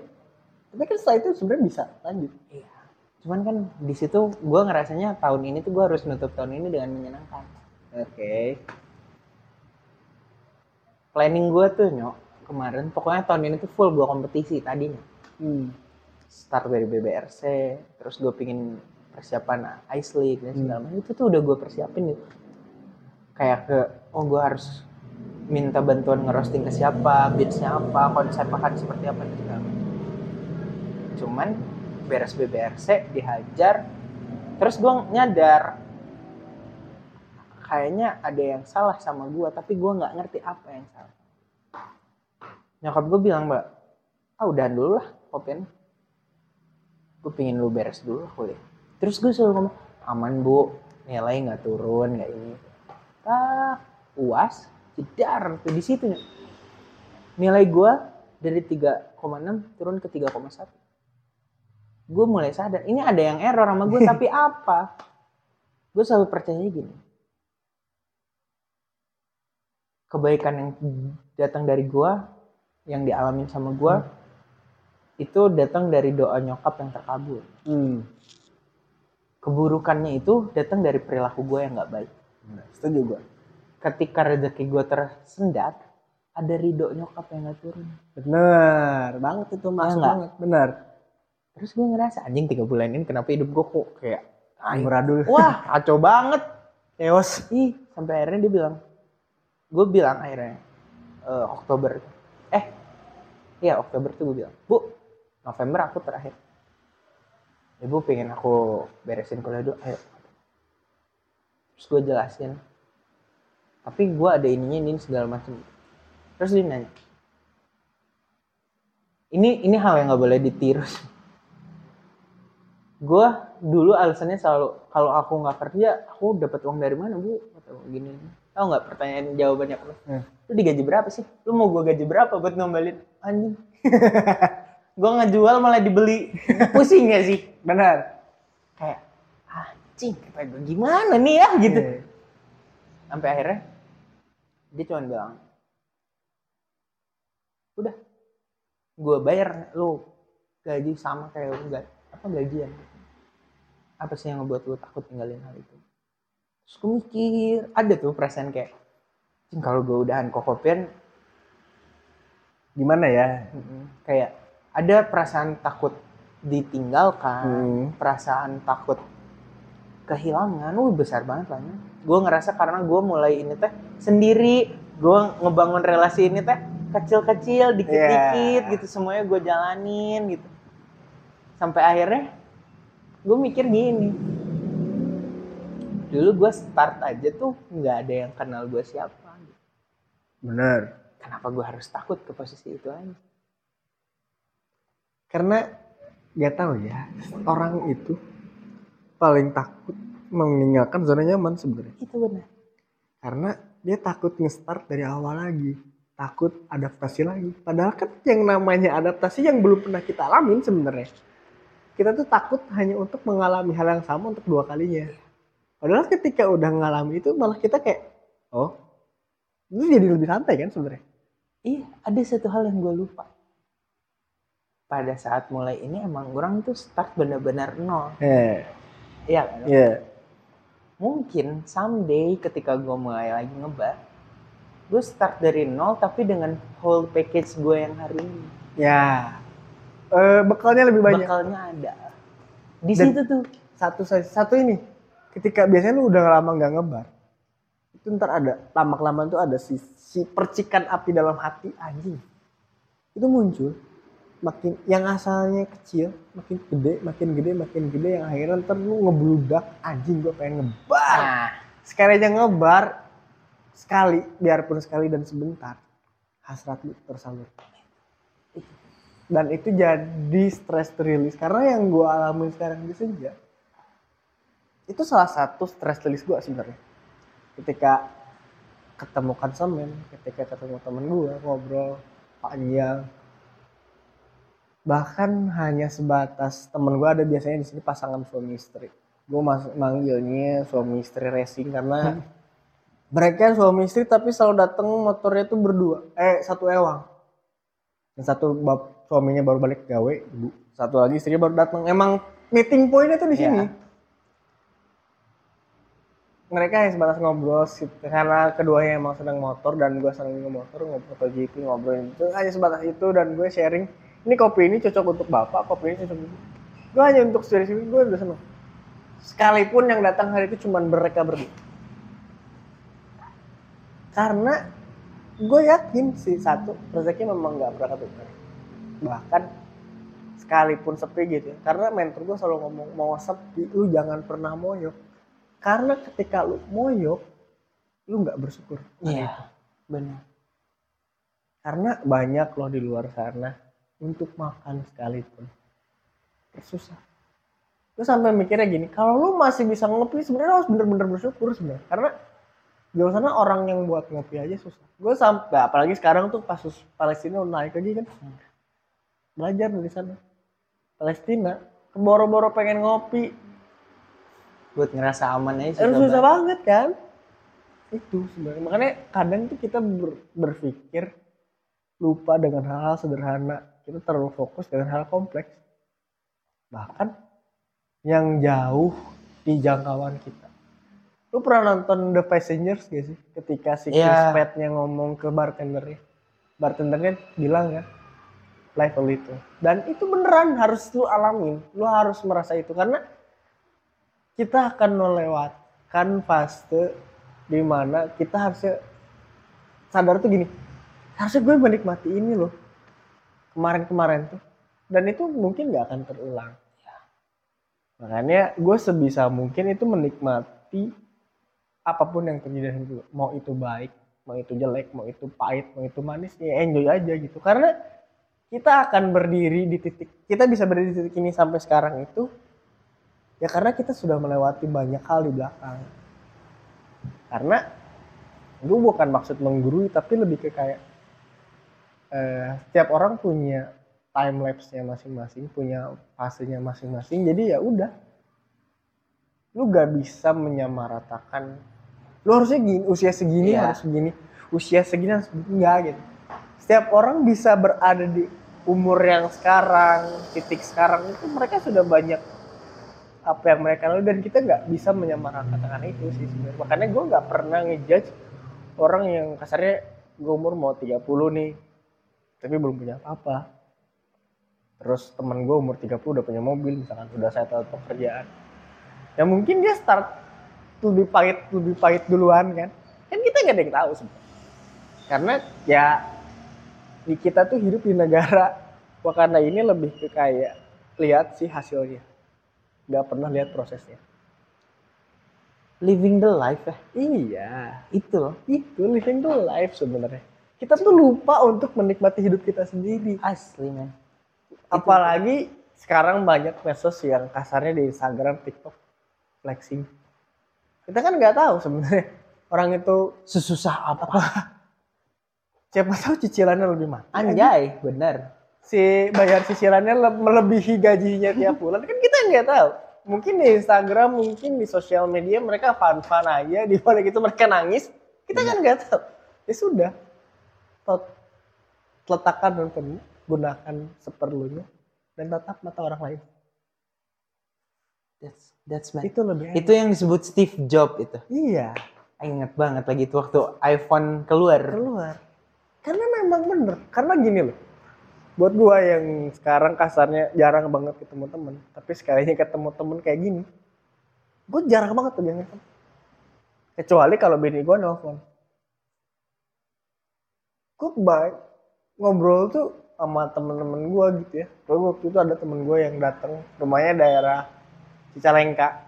Datang sini ngobrol panjang banget. Itu dari gua preparean aja dia udah datang bantuin mahal bantuin ngerapin kursi bantuin ngerapin meja. Ngobrol sampai gua tutup. Gua nggak ngecek handphone. Se se enjoy itu karena ternyata memang benar sih. Kenikmatan itu memang datangnya memang satu bertatap muka. Kopi itu hanya pelengkap itu betul. Itu betul. Mau kue kalau mau kopi lu geisha sekalipun gitu yang harganya sekapnya 10 juta tapi lu ngopi sendiri dengan mumet lu nggak bisa sharing your problems pada orang lain. Tetap gak enak anjing. Ya gua hanya setuju. menikmati momen saat itu aja gitu. Sisanya ya udah.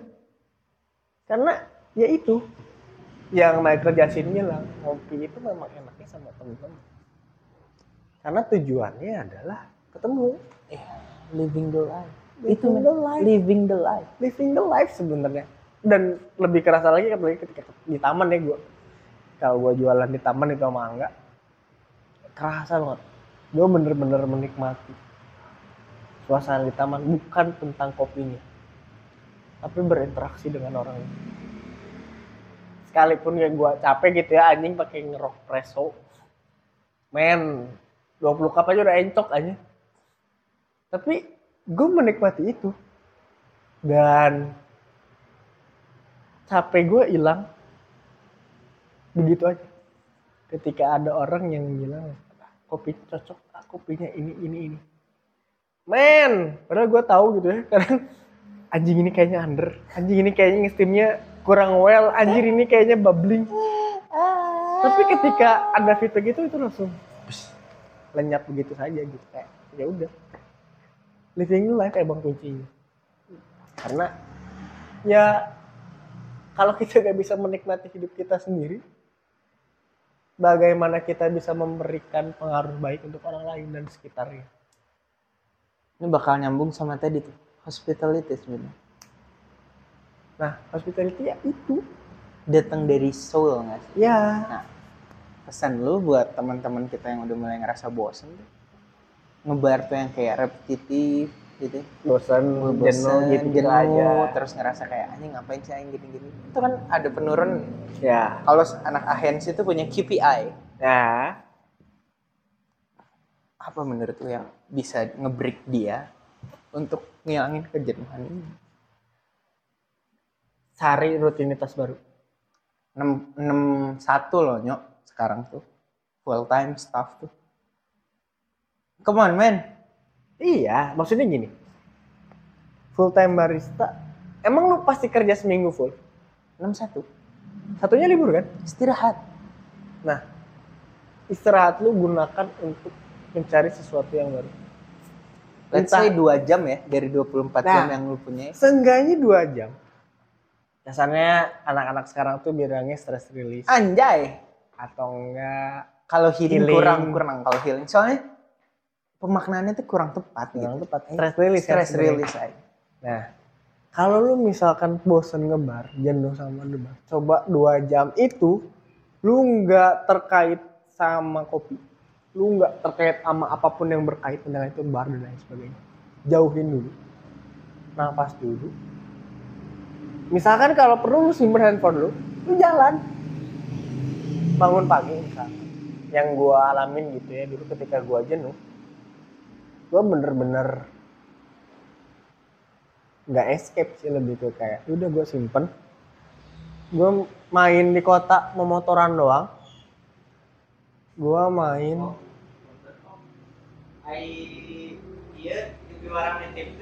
oh di sini aja sebenarnya. Ini nih ada ini ada tempat helm. Ini sebelah kiri mas. Kanan. Eh, ini ini mas. Oh iya kanan kan dari gue kiri kanan Oh iya salah. Eh healing enggak healing ya maksudnya escape dulu ada iklan lagi tadi. Healing healing dulu, lu jauhin dulu. Lu coba misalkan lu nggak pernah lari, lu nggak jalan, jalan. Lu nggak pernah jadi morning person coba. Karena fisika apa emosional yang kita la- alamin, anxiety, stres itu bisa dengan fisikal. iya iya setuju gua. Endorfinnya bisa di ya bisa, bisa, di trigger. dengan fisikal sama fisikal olahraga. Gua gua sampai sekarang stress release gua sekarang ngebar dan dulu gua olahraga seminggu sampai empat kali tapi gue ngalamin ya yang lari nggak lari itu keras sih. Ya.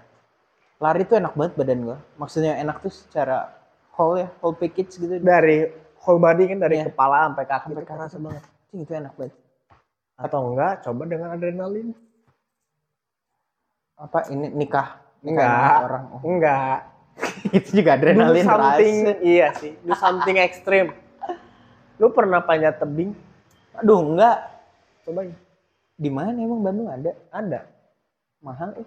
Yum promosi gak apa-apa lah namanya manjat atau nggak partner yang murah tiga tebing atau enggak wild eh, kalau climbing ya kalau ya. Kalau- wall ya, climbing. wall climbing. Atau enggak apa kayak gitu. Renang gitu. Renang. anjing kangen renang lagi. Maksudnya fisikal emosional tuh bisa pakai fisikal.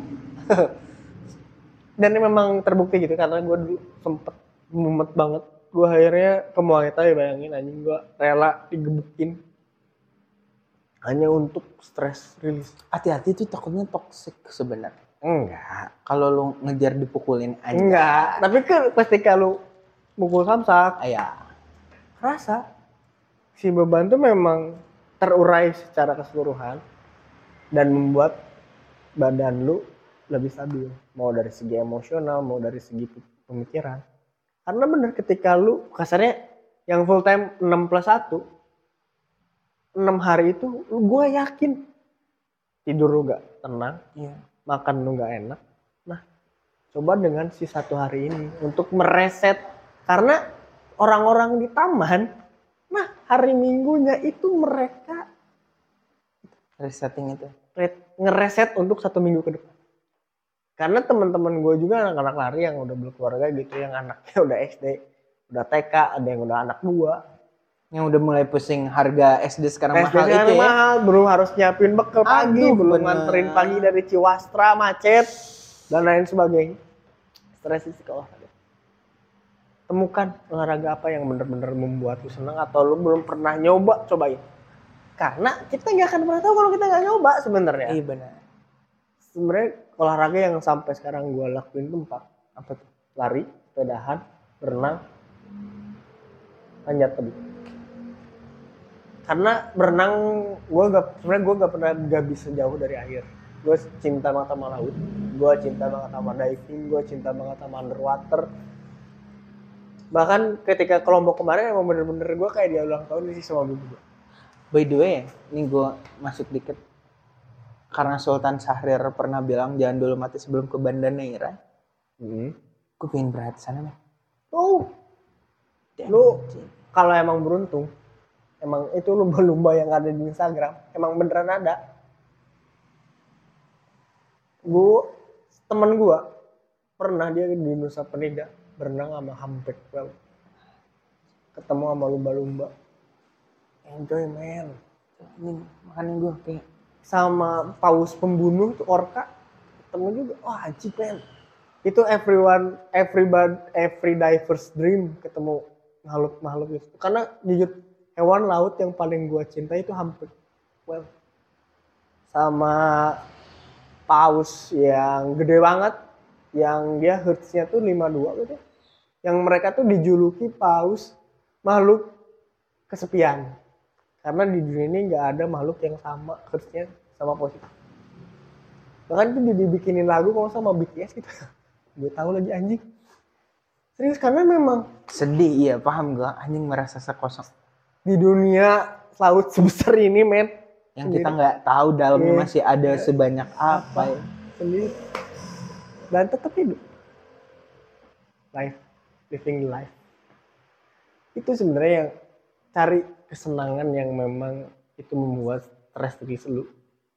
Kalau emang jenuh dengan kopi jenuh dengan perjalanan karena itu gue nggak tahu ya ini seberapa persen akurat cuman based on experience gue ketemu sama temen-temen gue gitu. Mereka kebanyakannya olahraga.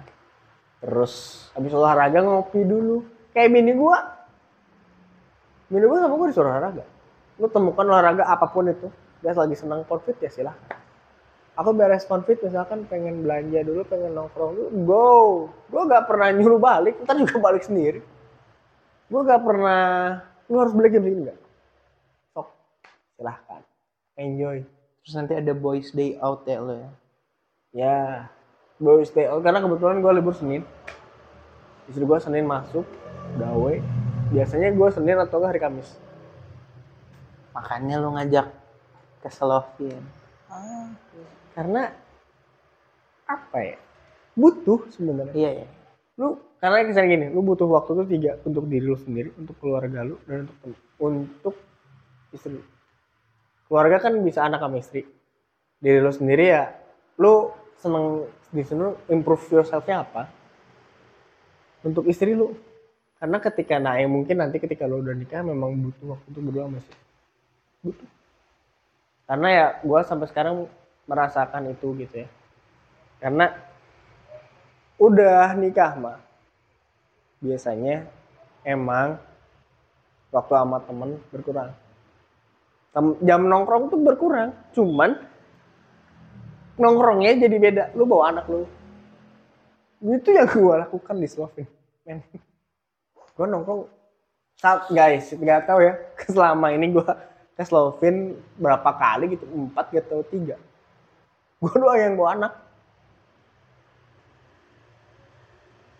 sisanya datang sendiri-sendiri datang sama pasangannya gue ngeliat oh ada yang membutuhkan waktu untuk dirinya sendiri ada yang waktu membutuhkan diri sama pasangannya ada yang sama anaknya itu karena enak Pasti pasti. Gue gue ini kok. Gue mulai ngerti sistemnya gimana sebenarnya. enaknya dalam artian Makanya ketika gue punya anak gue bener-bener bersyukur banget karena anak gue lahir di tengah-tengah pandemi lagi tinggi gue baru megang anak gue men. Sebulan setelah dia lahir. Penyesuaian. Ya. karena gue istri gue kan positif covid. Dan gue ngerawat istri gue. Iya benar. anak gue dititipin sama neneknya. Yang ambil gue ada gue. Sebulan setelah dia lahir gue baru pegang banget dan gue nangis. Di sela-sela jadi gue bayangin gue hanya sebatas kaca doang. Iya paham.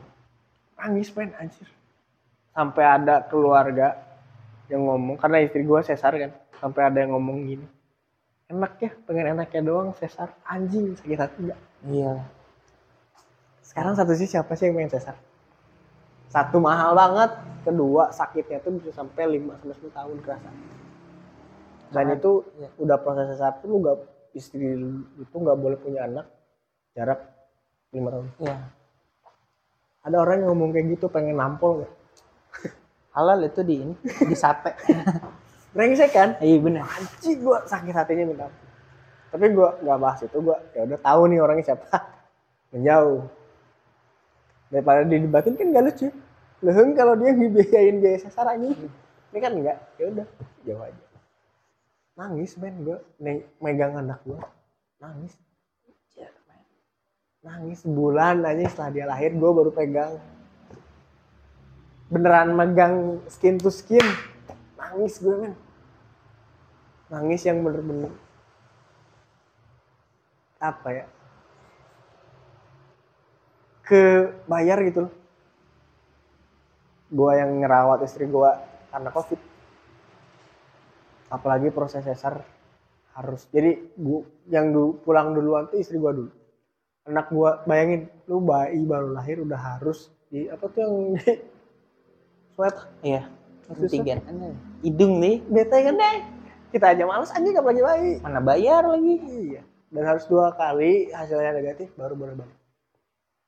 Jadi kalau positif negatif nggak boleh. Nggak boleh. harus positif positif kalau nggak negatif negatif gitu. Kalau positif positif tetap nggak boleh balik. Harus negatif negatif baru boleh balik. Oh iya benar. Jadi kalau positif negatif nggak boleh ya negatif kalau positif negatif nanti dicek lagi yang ketiga. Kalau positif nggak balik. Tapi kalau negatif baru balik. Tapi kalau awalnya negatif yang kedua positif jelas nggak boleh apalagi positif per positif nggak boleh balik. Itu beneran lihatnya dari kaca men. bahkan untuk ya lu tahu sendiri lah aja kalau dulu lihat di film apa di Instagram yang ya. Bapak sama anaknya megang di kaca gue ngalamin. Sedih men. Nangis gue lagi pas megang gue kan sempet istri gue kan di rumah sakit dulu gue isolasi mandiri di rumah. Gue sampai inget banget nulis har- hari pertama jadi orang tua dan hari kesekian isolasi mandiri. Karena hari itu anak gue lahir. Nulis semangat untuk kita berdua. Aduh anjing sedih banget. Kalau inget gitu ya awal-awal pas anak gue lahir eh semangat untuk kita berdua emang berat kalau dijalanin masing-masing. Iya tapi percaya aja nanti juga kita kumpul bertiga. Dan bener pas ketemu anjing gue nangis. Dan bener-bener ngegendong dan nyium bau anak gue itu kayak gimana. Wah, itu satu-satunya alasan gue sampai sekarang bersyukur banget untuk hal-hal sepele gitu. Karena kalau nggak hal sepele nggak bersyukur gimana yang besar sebenarnya? Kita akan tetap rakus kita akan tetap nggak puas. Kalau nggak bersyukur. Nangis anjing. Asli. Wah. Bahkan sampai sekarang kalau anak gue sakit atau apa ya udahlah.